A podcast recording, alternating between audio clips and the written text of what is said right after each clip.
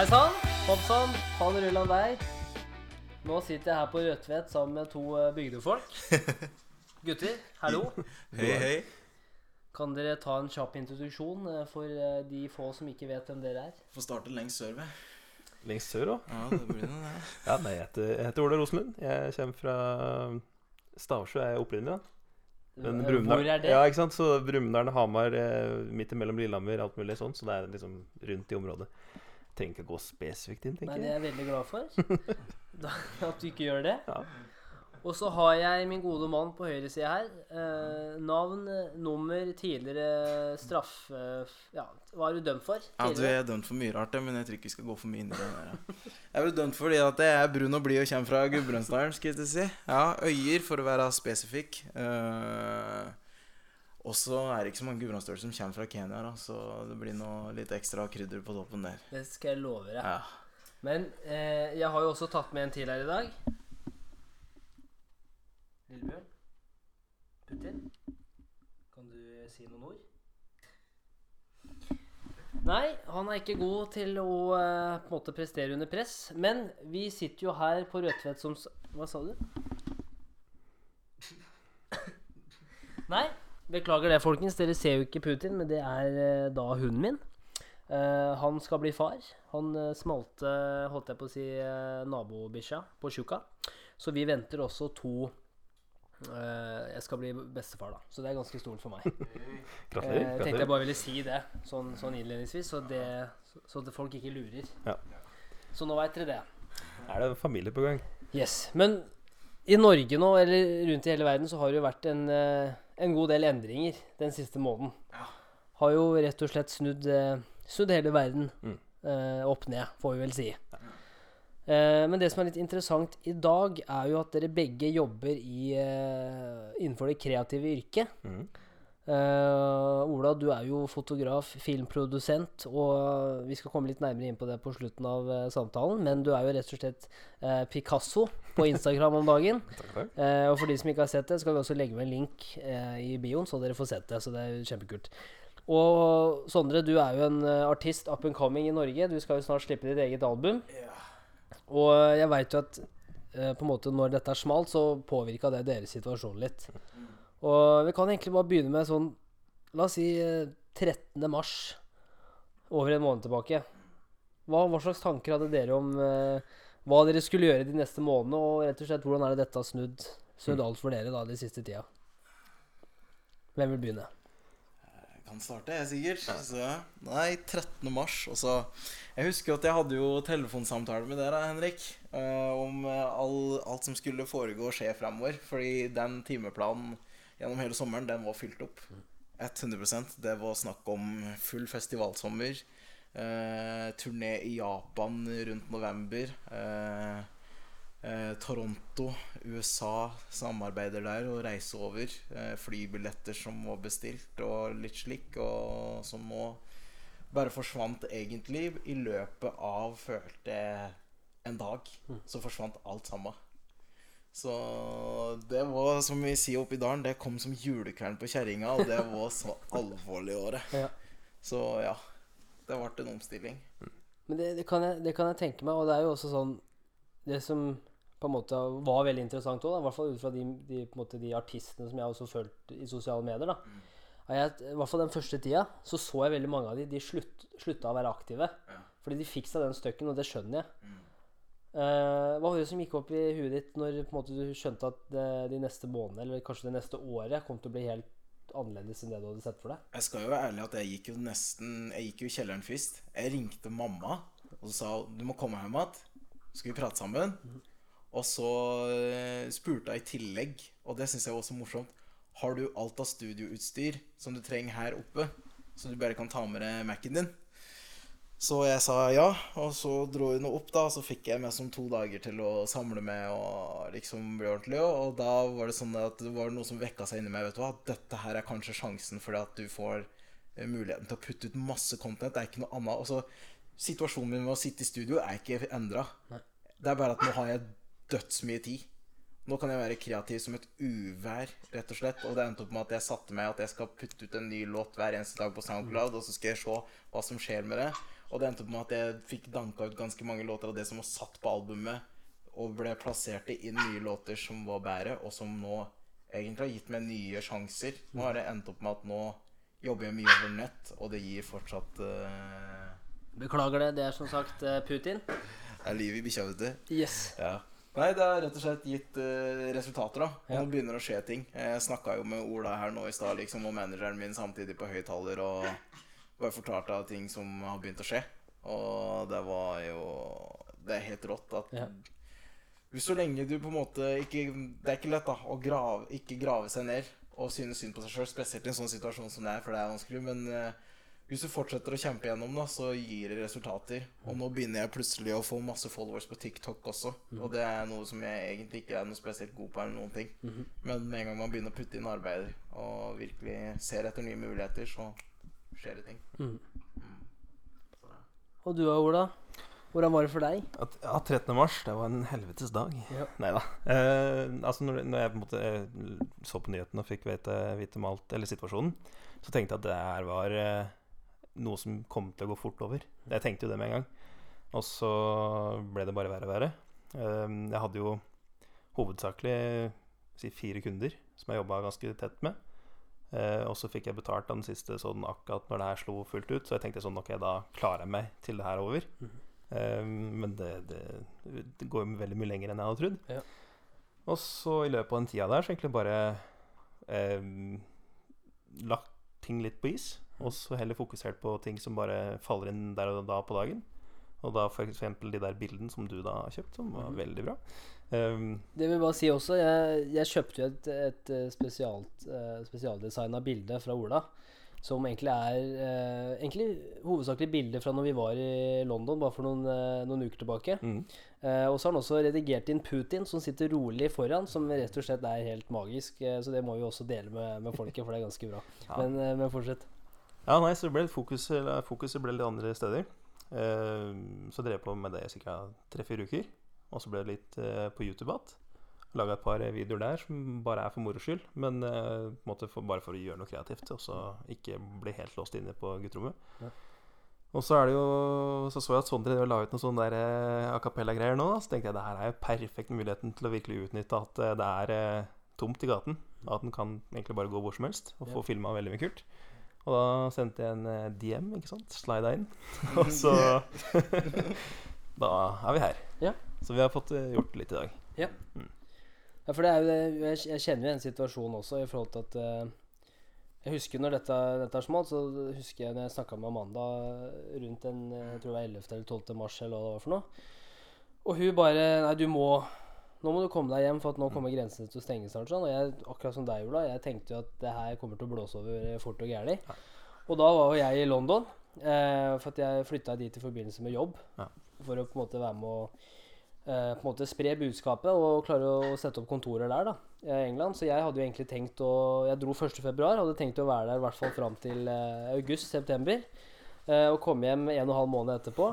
Eh, så det var jo, jeg var jo, jeg var jo kjempebegeistra for at nå skulle endelig bygdegutten fra Konsvinger Kongsvinger endelig få lov til å dra og reise litt. Og særlig i forbindelse med jobb, som var kjempespennende. Mm. Eh, men så, eh, på en måte en og en halv måned seinere, så ønsket jeg også å være med, med venner og familie. Uh, Istedenfor å være aleine. Kan være glad for det at du ikke er i England alene nå. Yes. Og ja, så det er jeg veldig glad for at jeg ikke er i England nå, for å, for å si det mildt. Eh, men du, det blir jo litt sånn eh, på en måte du prøver å Jeg vet ikke, kanskje sånn det er vanlig for oss, oss mennesker, og særlig de med litt ambisjoner. Sånn. Vi prøver jo å tenke litt mer eh, langsiktig. Prøver å legge oss en plan, en strategi, og så eh, på en måte er som regel 80% av det du planlegger, det blir som regel aldri til. Og så er det de rest, eh, resterende 20 som er mer sånn Så lenge jeg klarer å håndtere når ting skjer, og jeg klarer å reagere kjapt, Mm. så kanskje jeg kan eh, på en måte fortsette å oppnå progresjon, da. Har dere tenkt noe på det gjennom den tida her, liksom? Hvordan har dere Ja. fått veldig nye tanker, da. Jeg husker da jeg snakka med manageren min Erik og sånn, uten å liksom gå for mye i hva de planene involveres, så ble det sånn at i stedet for å tenke veldig mye ut, tenkte veldig lokalt. Norge. Hva er det som er nært her nå? Norge, Sverige, ok, Danmark. Kan vi reach ut der? Er det muligheter for å ta nå de som er i toppen, som sitter der og virkelig Selv om disse tidene er her, så smeller de ut musikk, og økonomien deres går rundt.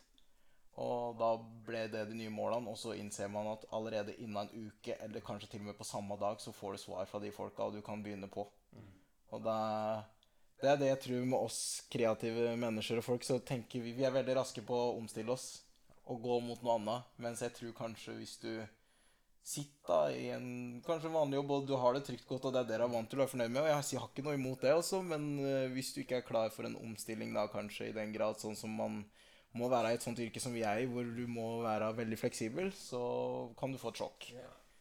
Så i tillegg så sånn, og det er ikke noe å legge skjul på heller. Jeg har jo også drivet Nå er det jo sånn at du får støtte fra Nav og sånn i tillegg, men jeg driver jo også og ser på liksom, og greit å ha noe lommepenger på si liksom i tillegg enn å drive det med dagpenger og hele den pakka der, da. Og det er jo bare fordi at ok, det er for at jeg skal kunne gjøre mer kreativt. Det er bare for å fortsette å ha den grinden, for du har ikke lyst til å miste det, for da føler du at du mister alt av personligheten din og den du er. Men det, det du sier der, det er egentlig to ting. da, For vi hadde jo vi hadde et, eller Expresso hadde jo et intervju med deg i fjor, og da gikk vi akkurat inn på det. Og Det er jo egentlig to ting der òg. Det første er at det, det å, du snakka om det å se på seg selv som en merkevare.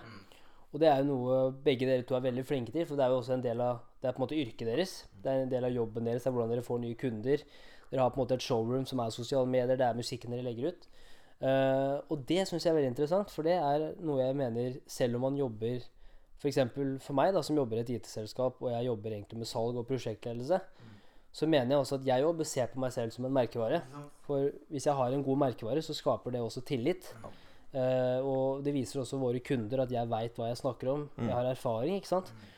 Og da må man by på seg selv. Så det er det første. Og så er det det andre som du også prata om, er i forhold til hva kan man lære av artister? da, Det å bruke kreativiteten sin. Uh, og det er noe som vi har tenkt veldig mye over, da.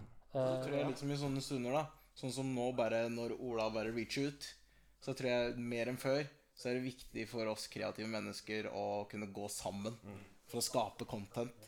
Som, fordi at det er når du går sammen og du ikke jobber solo hele veien, det er da ting begynner å få ringvirkninger, det sprer seg utover, ting begynner å gå viralt.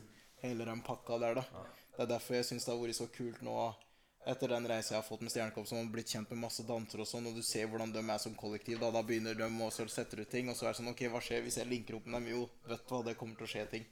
Jeg har musikken, dere har musa, lær meg litt av det. Vi putter det sammen. Hei, da har man noe, da. Så det er eksempel sånne ting jeg tenker på. Så snakka jeg med Ola om det. bare, «Ei, Hvis du blir med på filmen der så tror jeg det kan bli helt vilt når vi setter sammen. Så det er liksom Fordi nå, mer enn før også, er det sånn folk sitter på den skjermen. Jeg bare så sjøl regninga mi på mobilbruk eller mobildata Den ble dobbelt av det jeg bruker til normalt pga. den krisa her. For du sitter og driver og bare ser etter ting som skal inspirere alt mulig rart. Og da kan du tenke deg folk som da eh, Også YouTube tjener jo penger som pokker nå. Facebook, Instagram, TikTok. Alle de nå håver inn pga. det her. Og da må vi som kreative prøve å utnytte oss av det der. Så man må bli med på bølgen før det er for seint. For når dette her er over, da er det helt nye folk som er der oppe. Men det er, det er så spot on i forhold til det å utnytte situasjonen, da. Og det jeg, jeg tar jo meg selv i å gjøre det med det med telefonen. At du plutselig så sitter du der, og så har du scrolla flere kilometer med, med feed. Så får du merke du, du er à jour. Vet du, Den største skrekken jeg har hatt, er at du vet når du har treffet, eh, bunnen på Facebook-feeden din. Da vet du at da er det på tide å, å endre Det, livet ditt. det skjedde faktisk når jeg her om sikkert Vil du prate om det? Ja, Vil du altså, dele erfaringene? For en dag! Det hele begynte. Jeg Ja, ja. satt på dass. Nei, men det, altså, jeg, jeg tenkte på først, Før når Facebook var nytt, så husker jeg at da, da kunne jeg faktisk komme ned til bunn. Ja. Men sånn som nå, det er jo helt umulig. Og hvis du skal liksom prøve å finne igjen noe i tillegg, så er det, det, er- det ting blir borte. Men jeg satt en helg, vet du, og bare hadde ikke noe å gjøre. Og scrolla gjennom, og til slutt så bare Nei.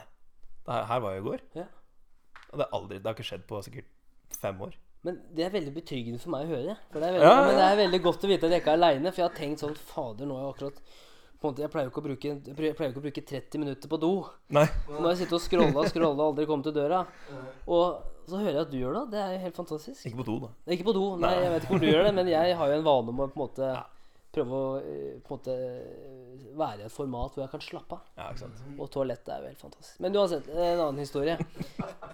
Men, men disse de, medieplattformene, de veit jo hva de driver med. Ja, ja. Så det er, jo- jeg tenker at det er jo to sider av samme mynt. Er det det vi sier? Er det ikke det vi sier? Jo, to sider av samme mynt. Jo. To, eller tosidig sverd, er det hvordan man sier dette? Toegga sverd, ja. Sorry. Uh, men, men det som er at en- sosiale medier kan jo være kjempebra hvis du bruker det riktig. Men hvis du lar det kontrollere deg, også, så er det fort gjort å bare havne i et hamsterhjul hvor du bare du tenker ikke over hva du gjør. Da. Du er ikke til stede. Jeg ser for meg de som har blitt permittert, f.eks. Som ikke har noe annet ting å gjøre, og så ender opp på Instagram, eller sånt, så ser de noen som publiserer mye. Og så, Du vet jo åssen Instagram er med å liksom vise highlights fra et liv, da. Mm. Og det er, all, det er jo ikke sånn det ser ut. Nei. Og da tror jeg de kan grave seg ned på den, da. Yep. Og det, det merker jeg sjøl, hvis du sitter en dag og du ikke har inspirasjon eller noen ting, og du bleier gjennom, og du ser folk har laga den sjukeste videoen, eller er i Bahamas, da. Mm. Og du sitter her på gutterommet og får ikke lov til å gå ut. Det, det, ja. Du kjenner på den. Det er ikke sant. Og det er jo virkeligheten. Ja, det er jo det. Det er, jo, det er jo sånn det egentlig er. Men hvordan uh, For du prata litt om det, Sondre. For det er jo også, også baksida med å skulle drive for seg sjøl og faktisk følge drømmen, da. Er jo at, at uh, det spiller ingen rolle på en måte hvor kreativ du er, eller hvor bra innhold du føler du lager. På en måte På slutten av måneden så kommer jo regningene uansett. Mm. Og det er ikke Jeg, jeg veit at det er blitt veldig inn å prate med på en måte om å bli gründer og skal redde verden, og det er ikke måte på. Og jeg, jeg syns det er kjempekult, men samtidig så så blir det jo litt sånn også at man, man glemmer å faktisk snakke om de tingene som, som kommer, uansett om du er flink eller ikke. Den realiteten der er jo veldig sånn eh, Som jeg husker med en gang. Det er jo sånn Jeg sitter på et huslån, og i tillegg Og det er faste regninger her som skal betales hver måned. Så det er jo derfor for meg også at jeg har tatt det valget gjør, at jeg også i tillegg driver og ser på vanlige jobber, men også i tillegg nå Ja, en ting til er jo at eh, jeg har jo tidligere gjort en del reklamejobber og sånn, så jeg registrerte meg tilbake igjen i Stagepool. Eh, og allerede nå skal jeg inn til en ny jobb for noen reklamegreier der og litt sånn. Og du får betalt, da, men det er liksom man må gjøre det man må da for å få de regningene. Heldigvis så er det noe kreativt i tillegg. Men så er det litt sånn der, morsomt å se, da, som jeg føler jeg får bekrefta mer og mer. Det er at eh, For jeg har vært i en del intervjuer, vanlige jobber. Og så er det sånn du får vite Du er nesten på nippet, da. Du kan kanskje få den eller ikke. Ikke napp. Men det første som skjer når jeg kommer på stageball, der får jeg napp med en gang. Plutselig så er det sånn der Ok, det er det kreative. Der er jeg alltid best. Der vil jeg alltid få napp av en eller annen grunn. Det er sånn jeg er som person, da. Så det er det å finne de styrkene sine og drive det og tenke smart og se hvor man kan komme gjennom på de visene der, som har gjort at nå greier jeg å holde hugget over vann. For jeg tenkte først 13. mars bare hva i huleste gjør jeg nå? Skal jeg selge leiligheta og alt det, og så går det an å bli solgt den i det hele tatt? I disse tider her, det er nesten sikkert ingen som driver og ser etter det nå. Så det har vært en utfordring, det der, men det var liksom Jeg må si at det var en sånn derre øyevekker, da.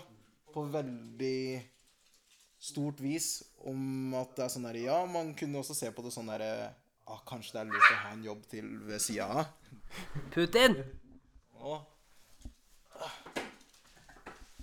Eh, eller er det sånn at man burde fortsette med det jeg driver med, eller er det sånn at jeg er dum hvis jeg tror jeg kan drive med det her til jeg går i grava? Men for meg så følte jeg bare nei. Jeg er ikke dum hvis jeg fortsatt kan greie å drive med det her i grava. Nå har jeg faktisk greid å finne nye muligheter igjen i fortsatt det samme jeg driver med. Fortsatt så driver jeg og lager k-pop, og det går over til Korea. Og nå fikk jeg grønt signal på at det var en ny låt som ble kutta der.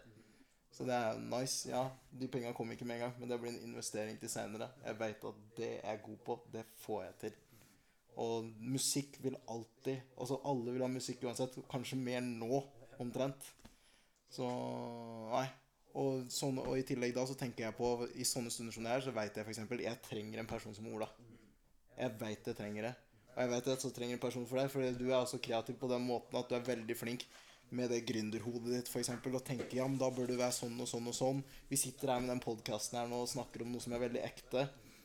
Vi, og det er eh, ufiltrert, ordentlig. Eh, jeg tror folk trenger å høre den sida der og se det. For jeg tror også det som er det tvega sverdet, er at man ser bare det perfekte som blir ute, spesielt nå. Og du ser ikke det med folk som sliter innmari, som lever fra hånd til munn, måned for måned, dag for dag. Det er ganske ekstremt. Nei, men det er, ja, jeg, jeg er helt enig, og det er det, er det jeg ser òg. For jeg, man scroller gjennom sosiale medier. Men eller, på en måte du har mediene, som selvfølgelig alltid skal framstille det verste utfallet. Ja, ja. Men så har du også selvfølgelig sosiale medier som alltid skal vise det beste utfallet. Ja.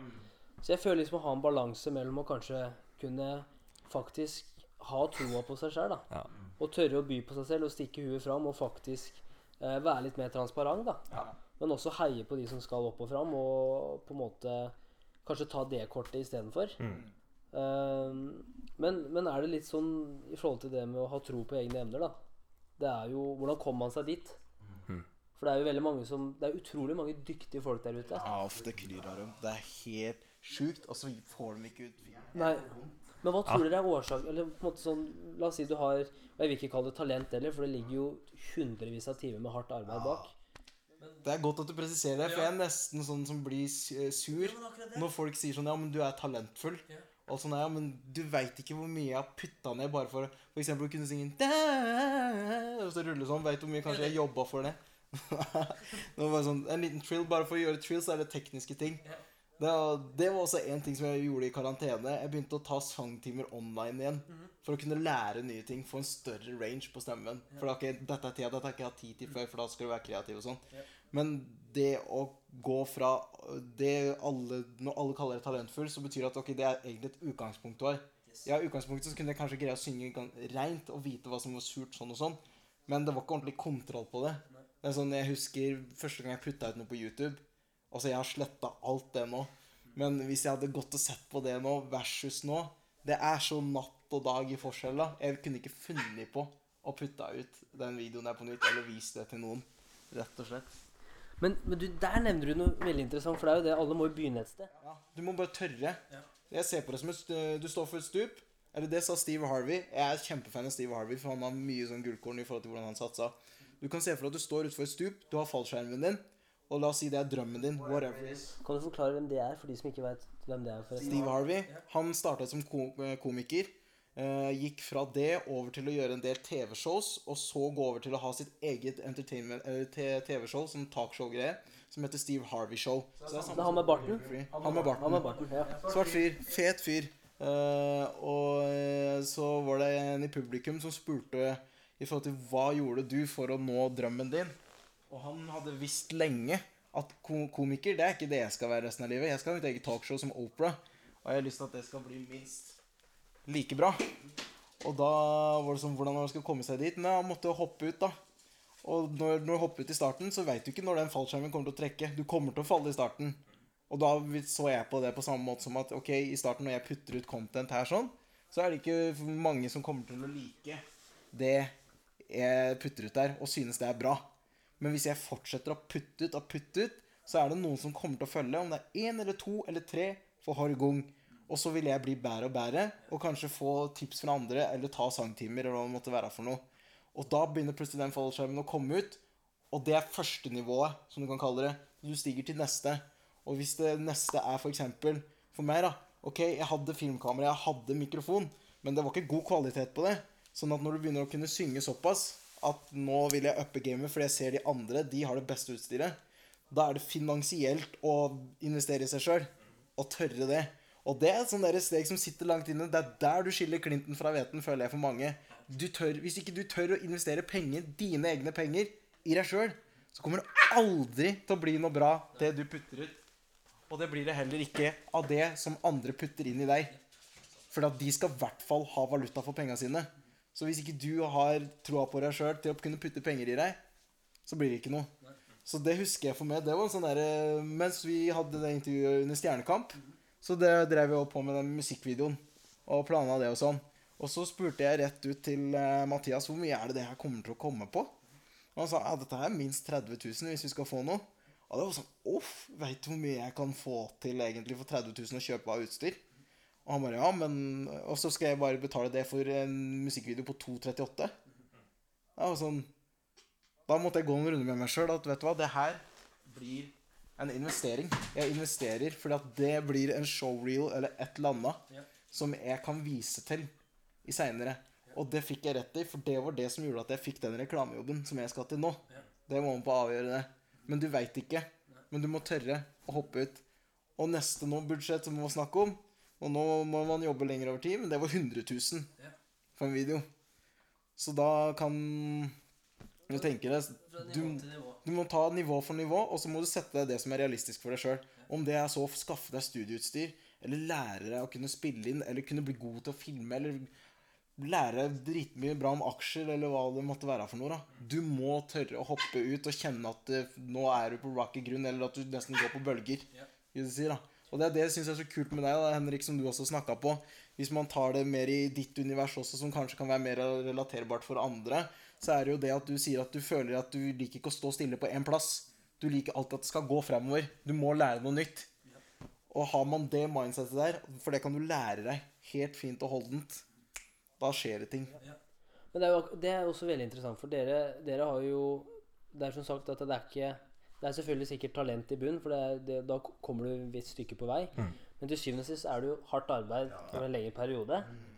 Eh, og jeg vet jo at dere begge begynte jo å faktisk jobbe med både musikk og sånn da dere var yngre. Og Ola, og du begynte jo med treningsvideoer i Brumunddal Stemmer sammen med kompisen din. Det var jo der dere begynte. Ja, altså Opprinnelig så var det skatevideoer Når jeg var Ja. sånn kjempeliten kid. Ja. Og det, det var jo sånn sju sekunders videoer på YouTube. Men altså, jeg har alltid, alltid vært så fascinert av på en måte å filme og av film da, generelt. Og så fant jeg ut at eh, sånn som en kompisen min hadde gener som bare rakkeren.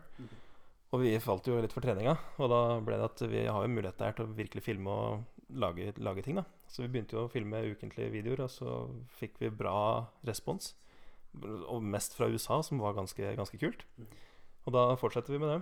Og så egentlig har det Altså, hvis du skulle telle over hvor mye penger jeg har brukt på kamerautstyr, så er det Da, da snakker vi. Ja. Men igjen, da. Jeg, jeg føler jo Jeg angrer jo ikke på det i det hele tatt. Jeg sitter jo her med drømmesettet mitt nå, Mhm. og ja Prøver å leve av det. Så Ja. Men det, for det er jo noe med det som kanskje er den største utfordringen, er jo å ta det første steget. Det er, for jeg merker det for min egen del når vi skulle starte den, eh, den videoserien med Ekspresso, så fy faen, du, du tenker så mye, vet du. Mm. Sånn, «Ah, nå jeg skal gjøre det, og jeg skal gjøre ditt, og sånn. Men altså, det eneste som gjelder til syvende og sist, er bare ta det første steget. Bare Ja. inviter den personen. Får du ikke, ønsker ikke han eller henne å stille opp, da går du videre. Ja. Og dessverre, hvis, altså, hvis du ikke ønsker på første forsøk Du har mange flere forsøk igjen. ja, ja. Og, og bare å komme inn i den tilstanden. Ja. Du må tåle å få nei. Du Tåler du det, så kan du vinne over alt her i verden. Og så var det én ting som jeg syntes var så kult. Ei som jeg kjenner, tok også og sendte meg en sånn videotale fra eller, noen på 70-tallet som kom til sånn graduation-greie.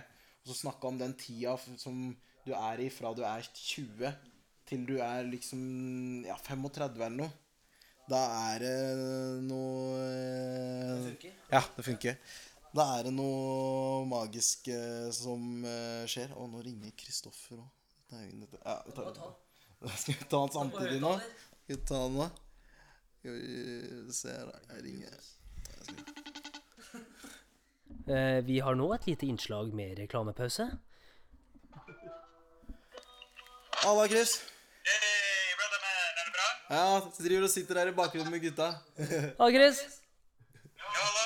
Hyggelig. Er du opptatt, da, kanskje? Nei, nei, det går bra. Bare let me know what up. Jeg digger jo den greia her som faen. Altså terningkast seks, liksom. Hæ? What? Det er jævlig fett. Ok, så vi er inne på noe, liksom? Vi er så jævlig inne på noe. Altså sånn helt insane inne på noe. Ah.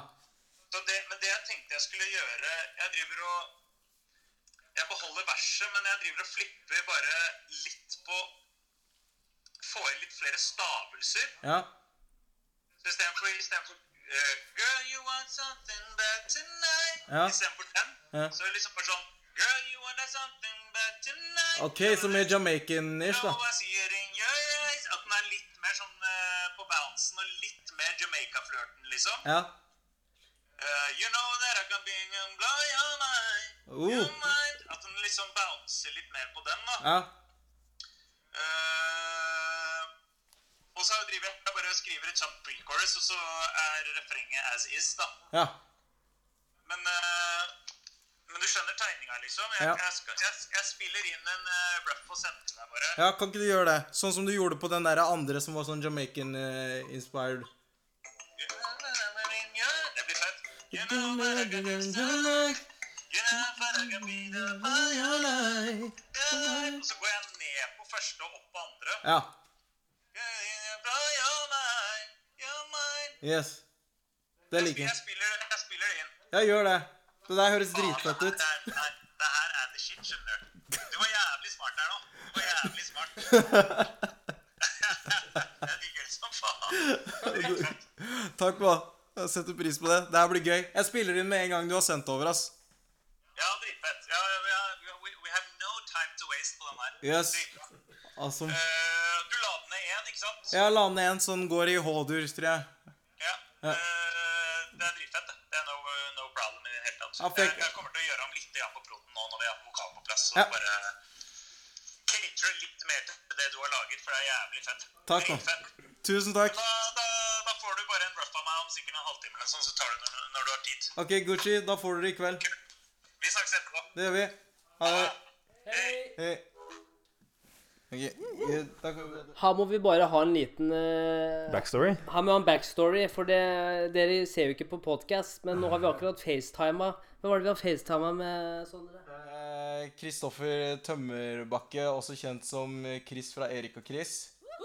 Uh, kjempefet fyr. jordnær type. Eh, vi linka, han er en av de som jeg bare linka opp med under når jeg, det så som mørkest. Og bare sa hei, har du noen beats, eller? Jeg er gjerne gira på å bare prøve å legge vokal på det du har, og gi deg alt jeg har. For jeg tror jeg kan gi deg noe. Og så fet som Chris er, så bare sa han ja, jeg har noen beats her sånn. Og så to, sa han bare plukk det du føler, og så prøver du å legge noe på det. Og det jeg følte og spilte inn på, det endte han opp med å like. Og så sendte han meg bare mer og mer på melding, og jeg bare sender tilbake. Og så begynner han sånn og sånn, og så driver vi og pitcher videre til ja, DJ-prosjekter og sånn forskjellig, da. Så det vi jobber her med å få cut for eh, ja, store artister der ute, rett og slett.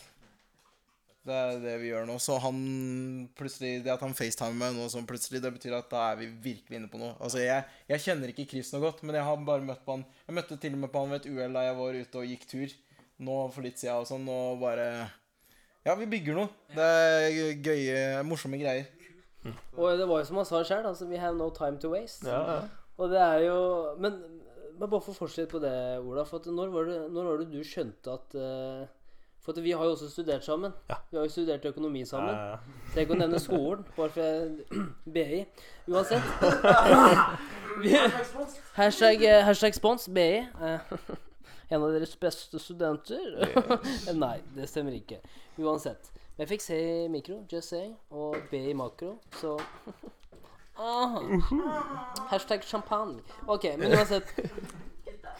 Ja. For at du er jo også en smart fyr. Det er du også, Sondre. ikke det? Altså, dere begge, for Sondre, du kom inn på Du hadde jo tenkt å bli lege, men så skjønte du at det var noe morsommere ting enn å operere folk. Og Ola, du var jo også Du er jo kjempesmart med tall, ja, takk. matte Du er jo skikkelig klepper på også teoretiske ting.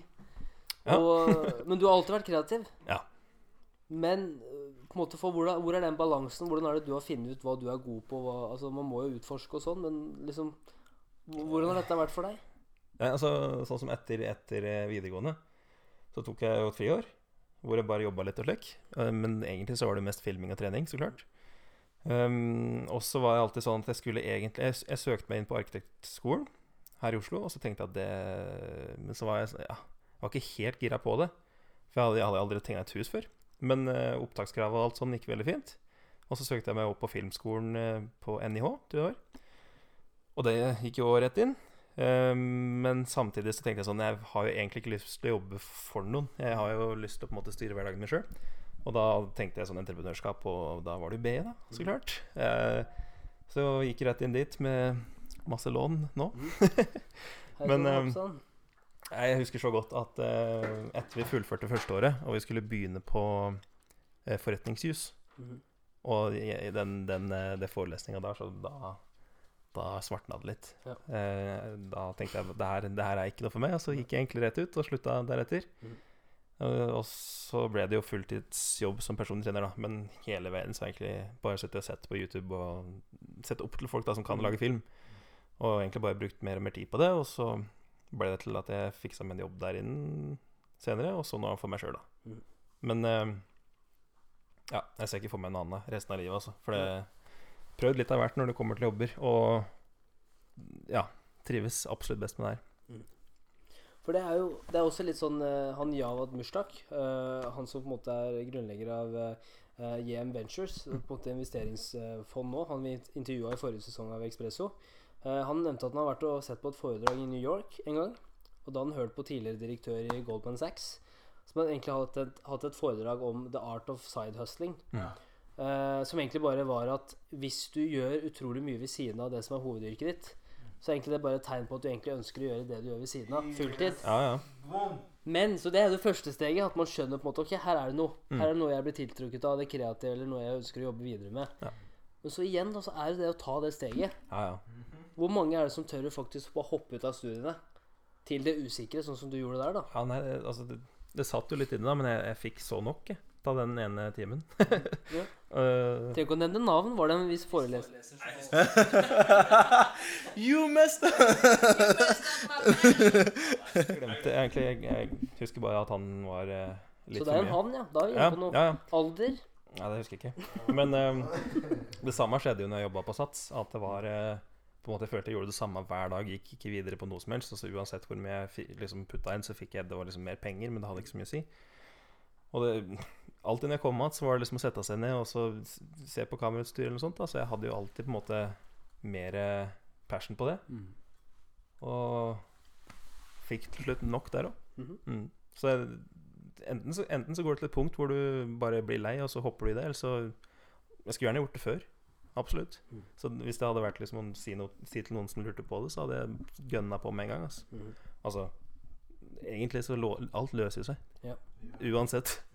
Og i hvert fall i Norge. Ja, ja, Altså Vi danker ut de tre nivåene på Masters behovspyramide, og vi har all sikkerhet. Vi Ja, har, ja. ikke sant? Men, men tror dere Koronasituasjonen, da. Vi Mm. veit jo selvfølgelig litt allerede, men, men tror dere den situasjonen kommer til å få veldig mange forhold til å gå i danken for at du må være hjemme med samboeren din hver dag? ja, ja. Men tror du også det er veldig mange som kommer til å skifte karriere, på en måte studier, skifte retning etter det, hvor de har fått veldig mye tid med seg selv? Jeg tror det, det er der som man til Det er der jeg tenker vi kommer til å skille Clinton fra hveten igjen. da Jeg tenker som for eksempel de som er kanskje artister som meg. Og så velger man å gå til, til den sikre jobben som gjør den sikre sjekken hver måned. Så bare blir man minnet på Vet du hva, jeg skal aldri tilbake igjen til det. Så dette her forblir en hobby.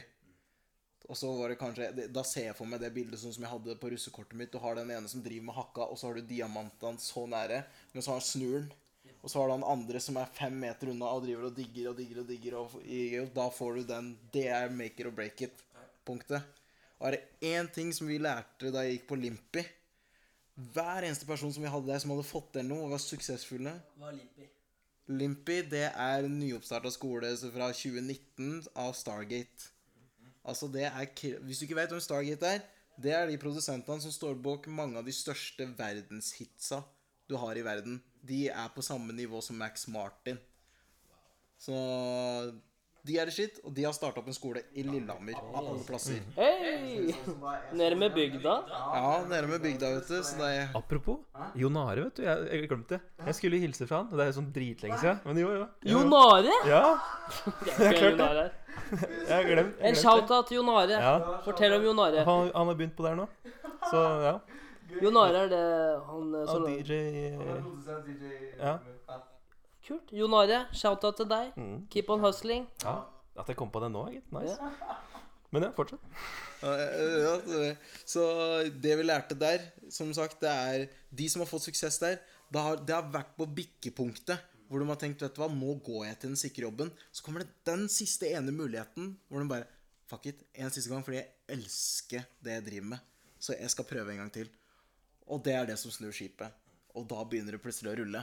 Sånn at du veit aldri når den sjansen kommer. Du veit ikke om du er 30 når det er break it for deg, eller om det er når du er ung, veldig ung, eller hva det måtte være for noe. Men hvis ikke du tillater deg sjøl å være i den grinden og kunne tåle at vet du hva, noen ganger så kommer det til å være litt trått her og der, så kommer du aldri til å få oppleve den suksessen, fordi alle har vært gjennom det.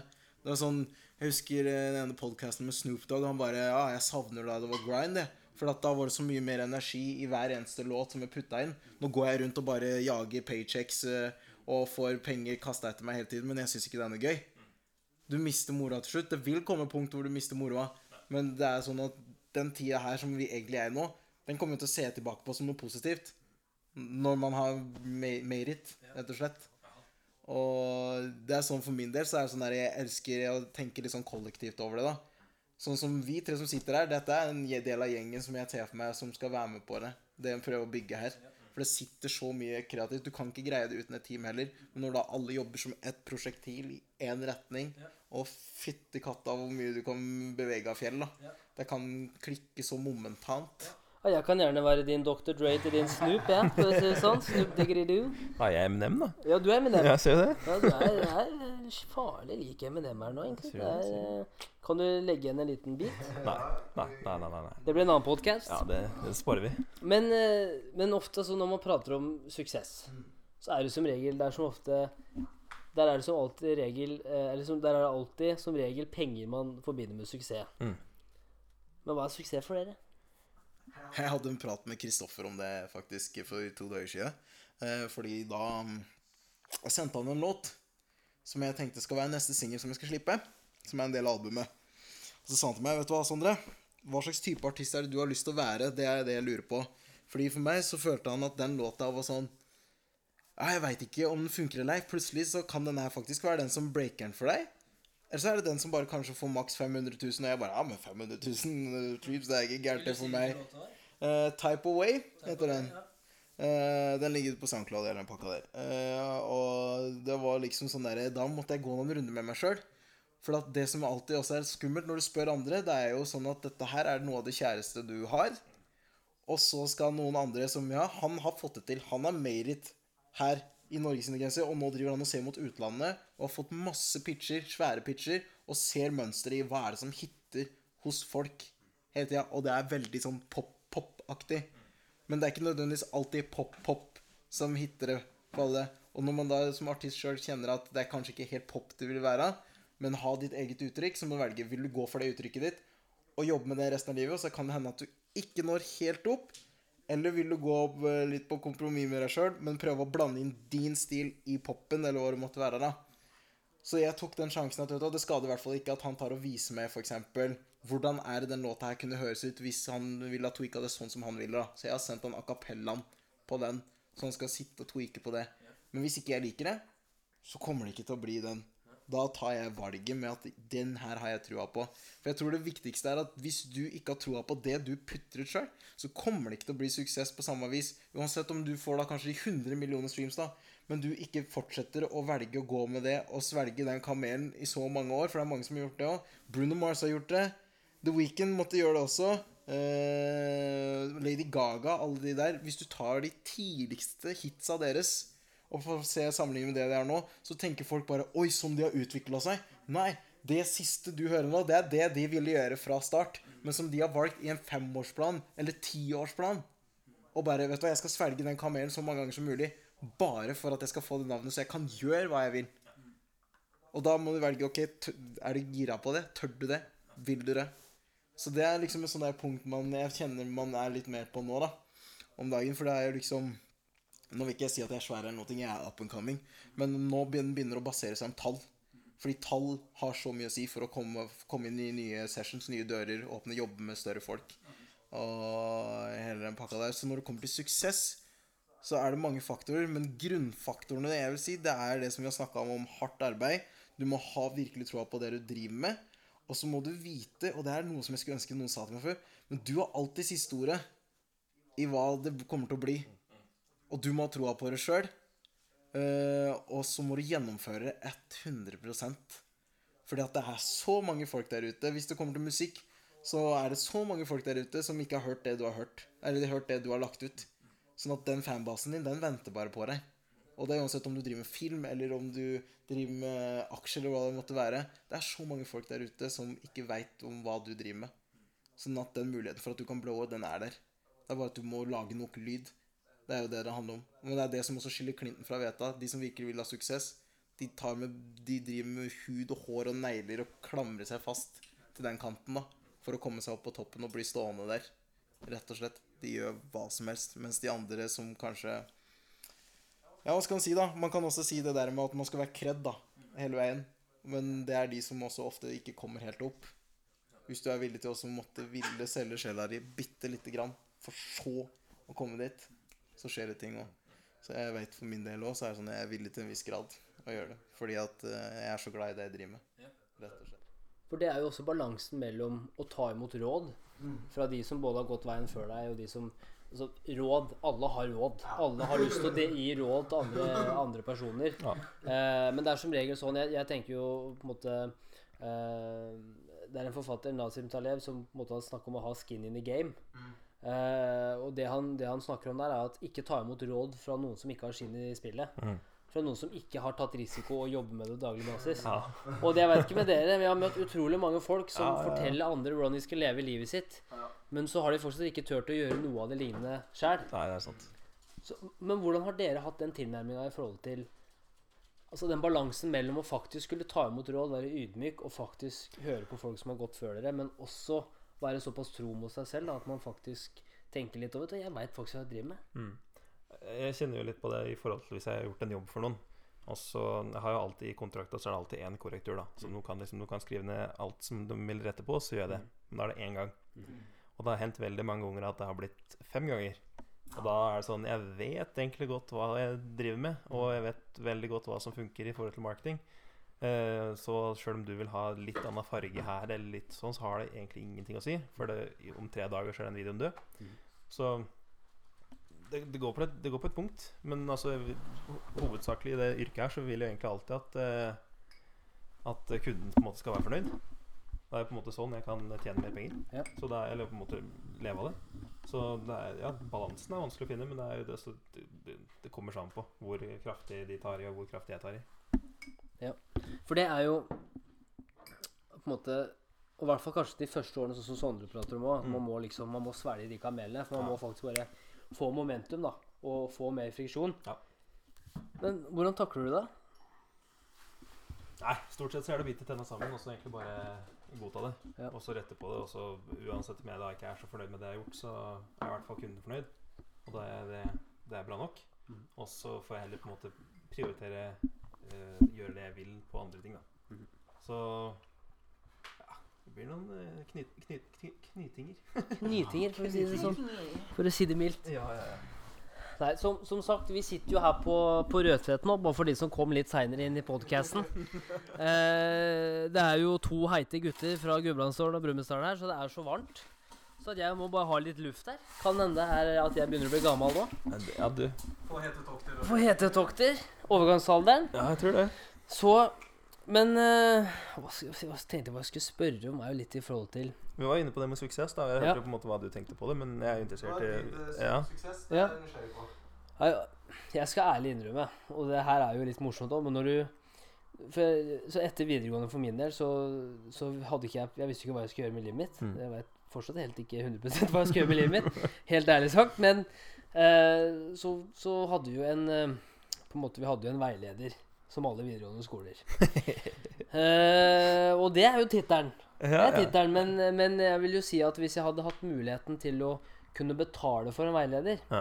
så hadde jeg nok kanskje ikke betalt for den veilederen. Nei, det er godt sagt. Eh, og, og jeg veit at det blir litt sånn som sånne psykologitimer, hvor du, du stilte et spørsmål, men fikk et spørsmål tilbake. Mm.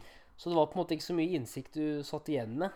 I hvert fall i forhold til hva du ønsker å gjøre med livet ditt. Og det stille riktige spørsmålet er jo viktig. Ja. Kjempeviktig. Eh, så jeg var jo ferdig på videregående og tenkte at eh, dæven, nå har jeg gått fra å På en måte Nå har jeg endelig begynt å bli litt tryggere på meg sjæl og sånn. Og tenkte at nå skal jeg gjøre noe vanskelig noe for, for min del. Så jeg dro inn i Forsvaret og var der et år. Og var der et år og syntes det gikk helt ok.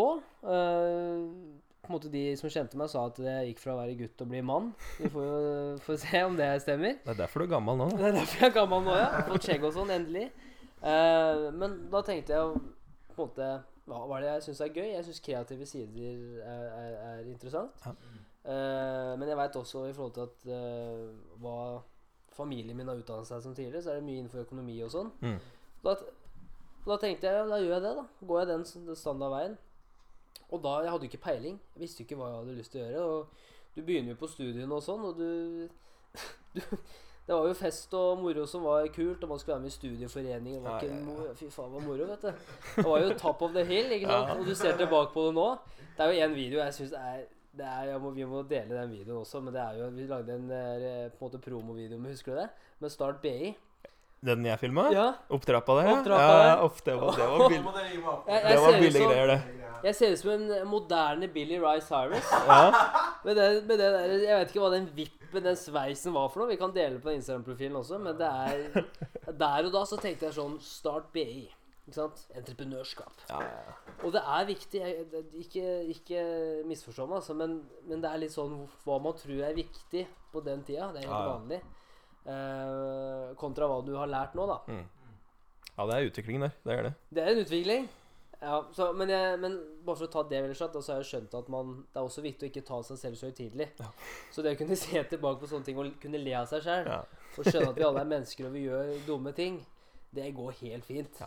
Selv om jeg så ut som en tulling på den videoen, skal ikke si noe annet. Spade for spade. Men suksess for meg, det er i hvert fall de eh, De seinere åra så har jeg liksom Jeg er 24 år, men de, siste åra så har jeg skjønt liksom at suksess er For meg er rett og slett å kunne føle at jeg har progresjon på ting. Og at jeg har forskjellige pilarer på det her, da, som jeg, eller på en måte områder. Du har liksom Du har det psykiske. Er jeg flink til å ta vare på meg sjæl? Liksom, er jeg fornøyd med meg sjøl? Og, og liksom Og faktisk, jeg har kommet inn i den kroppen her. Jeg kommer til å ha den kroppen fram til jeg er eh, 100 år. Så liksom, hvis du ikke er fornøyd med utseendet, så ja, du kan gjøre noe med det fysiske. Ja. Men til syvende og sist, med mindre du tar plastiske operasjoner, så liksom, du får ikke gjort noe med det. Så du må kanskje finne den, den kjærligheten til deg sjæl som person. Da. Det er viktig, og det er kanskje ikke vanlig blant uh, mannfolk å prate om det. Men jeg syns det er kjempeviktig å faktisk også gi deg sjæl et kompliment når du står i speilet, og det er helt innafor. Men ikke bli en idiot. uh, så det er det første. Og så er det også det fysisk aktivitet. Kjempeviktig for å holde deg frisk og vel. Mm. Relasjoner. Jeg har lyst til å være omringa av mennesker som jeg ser opp til, og som jeg kan lære av. Mm. Så på en måte alt det her uh, utgjør suksess for meg, da. Ja. Uh, ikke sant? Det er forholdet mitt med, med kjæresten. Jeg ønsker også å være en god, uh, god kjæreste. Bestefar? Uh, bestefar, ikke minst, for, for barna til Putin. Men jeg vil også være en kjæreste som forlanger litt. Jeg har lyst til å utfordre partneren min til også prøve å bli en bedre person. For det føler jeg også at man kan kreve.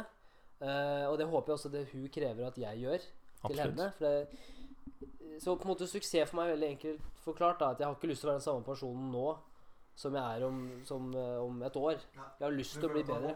Jeg føler at jeg har vokst. Ja. Føler at jeg har blitt bedre. Føler at jeg skaper større verdi. Jeg føler at jeg eh, på en måte sakte, men sikkert bygger opp noe som kan bli en slags merkevare. da Mm. Men samtidig ha en forståelse for at jeg kan ikke redde verden i morgen. Nei, det er sant. Altså Først må jeg begynne med meg sjæl. Først må jeg ta vare på meg sjæl og de rundt meg. Og så kan man begynne å se litt om man kanskje kan bygge, bygge det opp etter hvert. da Ja. Hvis det gir mening. Det gir veldig mening. Det. Nå er vi nesten inne på et nytt tema igjen nå. Sånn der, når man driver på og er i den grinden på vei oppover, da, og så er det sånn man begynner å tenke på kanskje at man er gira på en partner som skal være med på veggen og hele det der. Ja takk, Sondre. Bare å spørre. Ja, men åssen har, du- har du følt det for deg? da? Du er jo den av oss som er i ordentlige forhold nå. Eh, Åssen har du følt det for deg at uh, din kjære har kommet inn i livet ditt og vært med på og følt at dette her bygger meg opp og er bare med på å gi ekstra driv, rett og slett? det? Ja. Nei, for det første så er det jo Det er jo helt fantastisk å ha en person som, som er der for deg hele tida. Det er altså uten tvil. Uh, og på en måte folk tenker sikkert at all gresset er alltid grønnere på andre sida. Og at det er liksom Det er alltid alternativet som vil være bedre, da. Eh, men for meg så har det også vært Jeg synes det har vært helt fantastisk, for at det har gitt meg litt den motpolen i forhold til at jeg er så uh, Jeg er så der ute, da, og så mye energi og er all over the place. Eh, men samboeren min er mer rolig og kontrollert, da, for å si det på den måten. Og for meg så har det også vært veldig viktig, for hun har lært meg å koble av. Jeg har, jeg har vært utrolig dårlig til å koble av når jeg var eh, på en måte rett fra, fra, eller gjennom studiet nå, når vi på en måte hadde selskap ved siden av og sånn, som jeg dreiv. Så jeg var utrolig dårlig til å koble av. Så jeg tror hun har vært veldig viktig for meg i forhold til at jeg faktisk klarer å slappe av. Eh, som igjen blir et bedre resultat langsiktig.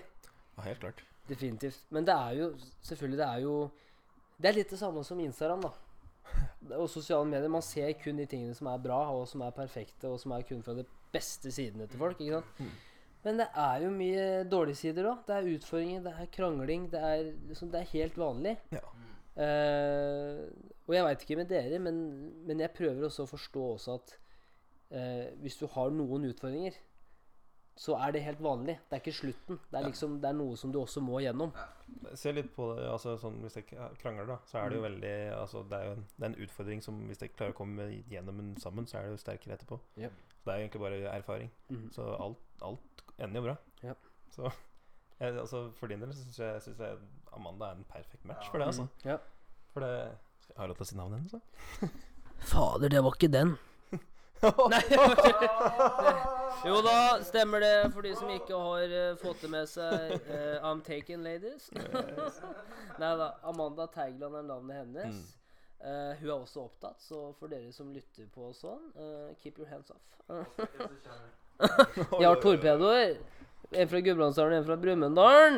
Og du, gutt, og du tror du skal gjøre for Og jeg har brimi med òg, slik en låt kan spørre på. Charlottelauken er med. Åh. Nei, men, men, eh, men, men det er viktig, og, og samtidig så er det også litt sånn, som jeg også har skjønt, at det er egentlig litt interessant at jeg er, jeg er utrolig strukturert, eller jeg har blitt veldig strukturert på alt som har med jobb og liksom Om det er Expresso eller om det er Ardoc som jeg jobber i, eh, på en måte trening osv. Uh, men jeg har ikke vært strukturert siden jeg var liten, men det er noe jeg har jobba med for å bli bedre på. Men i det personlige liv, der er jeg ganske ustrukturert. Uh, der kan jeg være all over the place. Og, og på en måte det er også noe jeg har skjønt, at man kan ikke uh, få pose og sekk. Nei. Du må tilpasse deg også partneren din. For at du, det er veldig ofte å tenke sånn at ja, men hvis partneren Eller hvis partneren min ikke syns at det jeg gjør her, er bra, da, eller at det er noe som utfordrer henne, eh, så er det som regel hun eller han som har problemet. Men noen ganger så må man faktisk gå inn i seg sjæl òg og bare tenke vet du hva, kan hende jeg er en liten idiot. Ja, det er veldig greit å ha noen til å se liksom ekstra på det. Ja. Det, det hjelper alltid, det. Yep. Få bare et annet pers pers pers perspektiv. -hmm. Jeg har tenkt på det der. I forhold til sånn der Jeg føler jo at det er et veldig egoistisk yrke den driver med. Og man har alltids godt av å kunne lande ned på jorda igjen. For jeg kan være en sånn type som flakser av gårde når det først begynner å ta litt grann, og drømme stort. Og bare Ja, ja, ja, da kan jeg gjøre sånn og sånn og sånn. Eh, og når du har flytta ut av redet, og det ikke er mutter'n lenger som skal ta hølen ned på bakken, skulle yeah. si, så eh, er det godt når en kan ha andre personer som er nær en, men som man tåler å kunne høre ifra. At vet du hva, du, nå tror jeg du skal ta et skritt tilbake og se på det her. For at du må ikke glemme at du er ikke aleine i det her. Du- Du har disse her du må, tingene du må tenke på. Og det tror jeg er sunt, da. Man trenger litt sånn ballast. Men det, det er jo som en sånn likevekt. Skål. Nei, men det er akkurat det. Og jeg tror de, de, på en måte de som vi snakka om, de forskjellige pilarene, da, forhold, trening, psykisk helse Jeg tror liksom man må balansere de tingene og prøve å få det til å på en måte gå opp. da Så hvis det er noen steder som kanskje er litt mer eller dårligere utlyst en periode, så må du kanskje legge litt mer tid og ressurser på det da. Ja. Og så prøve å sørge for at alle, alle er i balanse, da. Men det er jo Hvor lenge har vi prata nå, forresten? Har ikke du tida? Ja, men det står på en sånn måte som jeg ikke skjønner. Vi har tatt det i to timer snart. Nei, én time, mener jeg. To timer, hører. Jeg så bare én sånn før. Ja, men da har vi en time til, da. Nei, men litt sånn avslutningsvis òg, da, er jo eh, I Norge nå så begynner jo ting å gå sakte, men sikkert tilbake til normalen. Tror jeg ikke vi kommer til, tilbake til med det første, men noe som kan virke litt mer sivilisert ut. Uh, I England uh, der er det helt andre boller. Jeg vet ikke hva Boris og de har tenkt med, men der har de slitt litt. Eh, far, vet du. ja, der er det 26, eh, 26 000 som har vist seg å ja, helt- omkomne. Og det er, ja, det er i snitt 1000 om dagen, så, så der, jeg tror ikke det blir tilbake til England med det første, for å si det mildt. Uh, så på en måte for min del nå så har jeg hjemmekontor, og jeg prøver å uh, holde rutinene i gang. da Jeg prøver å sørge for at jeg mer eller mindre gjør meg klar til jobb hver dag. Jeg prøver å sette på meg jobbantrekket. Jeg prøver å holde det mer enn normalt. Selv om jeg bare skal en halv meter ut i stua og sette meg ned på kontoret. Eh, Amanda ler jo av meg det her, for jeg, jeg går jo og har på meg skjorte og jeg prøver å fikse håret. Jeg står opp tidlig og tenker 'Nå går jeg på jobb, jenta mi!' 'Nå har jeg kommet på jobb, jenta mi!'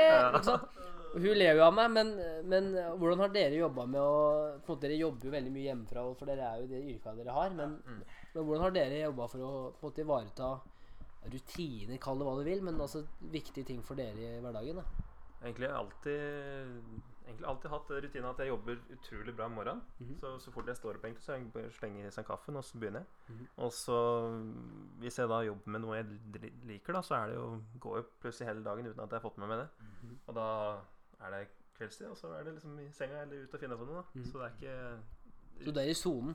Ja, men det, det, skal, det skal veldig lite til for at jeg endrer det. er, Ja. Hvis jeg har noe å gjøre, så Mhm. gjør jeg det. Til det er slutt. Så det er egentlig Jeg på meg sjøl som heldig der. Altså. Ja. Mm. Ja, Du, så, du trenger ikke å spise Du spiser jo bare en gang om dagen nå. Det er jo komisk. komisk. glemmer jo det. Det er akkurat det. Ja. Det er Liksom, sånn som i dag og så bare jeg hadde spist et eple før jeg dro, så var vi ferdige klokka tre eller noe sånt. Og bare, jeg ser det. Nei. Du blir jo ikke Du blir jo ikke ikke se på meg! har ikke noe med høyde å gjøre. men Du, du veier jo ikke 100 kilo muskler og spiser et eple om dagen. Nei, det, Da er jo, her er jo en, det er jo konspirasjon. Da må noen lære meg om det er øh, noe vann oppi nes, vet du. Ja, Ja, ja. faen, da blir det, da blir det tur til Brumunddalen-gjengen! ja nei, men altså, når du, altså, hvert fall for min del, når jeg er i sona, så glemmer jeg alt. Ja. Og sånn sett så er jeg heldig, Ja. Syns jeg, da. Ja, det er definitivt. Ja. Det skal jo sies at jeg er jo altfor glad i mat. Så jeg, det, altså jeg, jeg kan havne fort i sonen, men jeg kommer fort ut igjen når jeg finner ut at jeg er sulten. Ja. Så jeg, jeg er ikke så heldig der. Men du ser jo Jeg spiser jo ikke et eple om dagen, men jeg ser ut som jeg kanskje hadde gjort det i forhold til deg. Men det, er- sånn er det jo med, med gener og sånn. Hva med deg, Sondre? Ja. Um, mye nå om dagen, så er jeg Det første jeg gjorde, det er fordi at eh, jeg er en type Jeg kjenner meg godt sånn veldig psykisk at jeg Når noe kan gå virkelig nedfor, så blir jeg skikkelig nedfor. Så for at jeg skal jobbe imot det, så må jeg ha fysikken på plass og trene, for da kommer det ut endorfiner. Det skyldes ut. Da føler jeg meg bra. Da føler jeg at ah, ja, men dette er ingenting. Det her kan jeg ta head on. Så det første jeg begynte å gjøre igjen, var å begynne å ta opp igjen uh, treningsprogrammene som jeg hadde fra treneren min da jeg var toppidrettsutøver. Og begynte å trene og følge det regimet igjen. Yeah. Og så, rett etter trening, inn i studio på rommet. Jobbe resten av kvelden. Du glemmer alt sammen. Jeg hadde spist rett før, og så ble det bare å spise Da spiste jeg klokka to eller noe på natta, og så la jeg meg. Og så sånn har jeg gjentatt det, så jeg har en litt messed up døgnrytme, men den, den funker. Og det er det som har fått meg hit igjen. Ja, for du, du drev med kulestøt på toppidrett. Eller var det sjakk? Der. Og curling? Oh. Nei, jeg var sprinter en gang i tida, så tatt opp veldig mye igjen av det. Gjort mye bakkeløp. Eh, Trent tren mye med egen kroppsvekt, men eksplosivt. Eh, eh, legge på meg mer muskler igjen. Jeg har vært veldig tynn en periode. Det er jo nesten sjukt. da Jeg veide meg sjøl igjen før jeg starta, og bare sånn 70 kilo, og så er jeg 1,83. Jeg bare I granskauen er dette her for noe? Greier. Det var jo ikke bra. Så nå sakte, men sikkert Jeg kjenner meg sunnere, jeg kjenner meg raskere, jeg kjenner meg mer kreativ. Du bare fyller på batteriene, da. Sånn at alt er bra. Og når jeg har den rutinen der, det er alt sånn der ligger i bånn for meg med trening. Har jeg treninga mi på plass, så går alt det andre på plass. Med en gang det begynner å svirre ut, da går det utover alt annet. Det er det. Body and soul, it needs all to be together. Boom! I'm gonna quote you on that. Nei, men altså, det er jo Kroppen er jo et tempel. Ja, men det er jo Buy my training outfit on the, on the blog. Hashtag no, no spons. Nei, men, eh, men kroppen er jo et tempel. Ja. Og eh, jeg merker jo det sjøl. Derfor jeg også eh, på en måte holdt jeg på å si eh, pri-korona. Før korona skjedde, så trente jeg på morgenen. Og jeg merker hvor viktig det er for meg å få inn den økta på morgenen. For da har, liksom, da har du gjort det første den dagen som har vært så jævlig vanskelig. Vært så tungt. Men du har gjort det. Ja.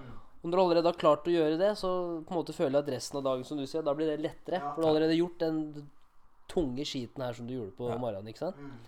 Så Ja, for det er veldig mye verre hvis du skal snu om på det. Ja. Hvis du har hatt en dårlig dag på jobb, og så skal du gjennom økt. For det jeg har gjort nå, skjønner du Ja, Det jeg har gjort nå de siste ukene, Ja, og det det skal jeg love dere, det er ikke noe gøy. Nå er klokka Klokka er nå fem på halv sju. Jeg har ikke trent ennå, så jeg vet at jeg må gjøre det når jeg kommer hjem.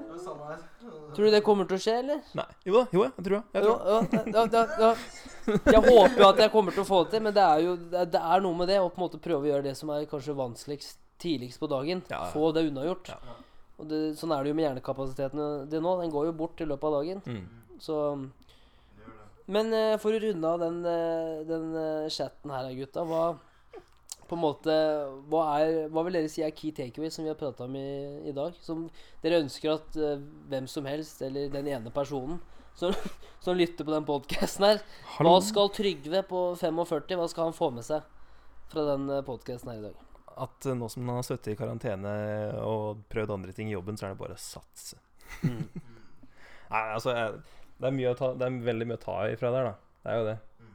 Så det er vanskelig å på en måte pinpointe én ting, men eh, Jeg må jo si at jeg likte den du tok der, da. At du må satse. For at det er sånn du har hatt Nå har jeg, jeg følt sjøl at du har hatt så lang tid nå til å sitte med tankene dine, da. Til at du er ikke gæren, egentlig, når du har fått tenkt gjennom de scenarioene, de tingene du skulle ønske du har gjort. Nå er mulighetene. Altså, jeg har satt meg flere drømmer og mål nå enn noensinne i mitt liv. Rett og slett. Og nå er den banen klar. Nå jobber jeg spesifikt imot det. Og det begynner faktisk å skje sånne småting. Det er så mye du kan begynne med smått. Om du så er sånn derre ah, Jeg er jo ferdigutdanna, men jeg skulle gjerne hatt den graden der. Jeg var gira på det der. Ja, nå er det nettstudier, da. Det er tingen i bingen om dagen. Tingen i bingen? Er det et nytt uttrykk jeg ikke har fått med meg, eller? Tingen i bingen? Nei. Det kom som kjerringa på julaften. Nei, det, det, det var andre veien, det.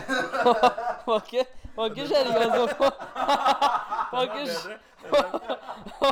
Det var ikke kjerringa som kom på julaften, du. Sorry, det skal vi klippe bort. Skal vi ikke det? Vi er unfiltered. Men eh, jo, nei, altså det er akkurat det du sier der. Men hvis du skulle gitt ett tips, da, for det er en ting å legge seg planer og det man har hatt nå. Ja. Men hvordan skal man komme i gang? Altså Det der første steget, for det er, jeg vet at det er så mange som sliter med det. Jeg sliter med det sjøl. Ja, men Finn det ene, ene mest realistiske delen av det målet da ja. som du kan gjøre i dag. Jeg har så trua på sånn der femsekundersregelen. Bare Det du kan begynne å gjøre innen fem sekunder, det gjør du. Altså, jeg går sjøl hver morgen når jeg står opp, og så bare tenker jeg Å, jeg må jo lage musikk i dag òg. Føler meg ikke særlig inspirert. Men vet du hva, jeg kommer jo ikke til å finne ut om jeg blir inspirert før jeg begynner å sette meg ned og så begynner å sette hva skal være BPM-en på den biten her, eller låta. Hvordan skal melodien gå sånn og sånn. Tipper det er samme for Ola også. Bare hva er det jeg skal lage for noe content i dag? Hva er det jeg skal putte ut på YouTube i dag? Vet du hva, Det finner han ikke ut før han begynner å sette seg ned eller, sette seg ned, eller tar kameraet opp og bare Hva er det jeg har rundt meg her å jobbe med? Boom. Samme gjelder for deg òg når du sier at du tar på deg jobbklærne dine. Og så bare, ok, nå skal jeg starte dagen Med en gang du allerede har gått inn i den fasen og du tar på deg jobbklærne, så er du allerede i sporet. Det kan være så enkelt. Sånn. Det er som, sånn som når du skal ut og trene etterpå. da Altså Det er jo bare å komme seg ut døra, Mhm. og så er du i gang. Og da er det ikke så ille som du trodde.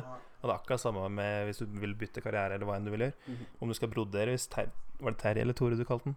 Trygve, tror jeg. Trygve, 45. ja. Trygve, Hvis han vil brodere og leve av det, så kan det altså Ja. Hva som helst. Ja. Trygve, det der til deg. Shout out. Ja, ja, ja. Trygve 45, now's your chance. Og for å sitere Chris, a magic producent We got no time to waste. Så vi lar det være det siste ordet i dagens podcast. Dere kan finne Expresso på både YouTube for videoepisodene, intervjuene. Vi er også på podcast på Spotify, Apple, egentlig overalt hvor du finner podcast. Og vi skal snart begynne å forberede sesong tre, som vi håper til å, kommer til å ta helt av. Eh, og hvis dere syns det er flere som burde høre på podcasten vår, gjerne give oss a shout and a like and a comment, and subscribe to our channel.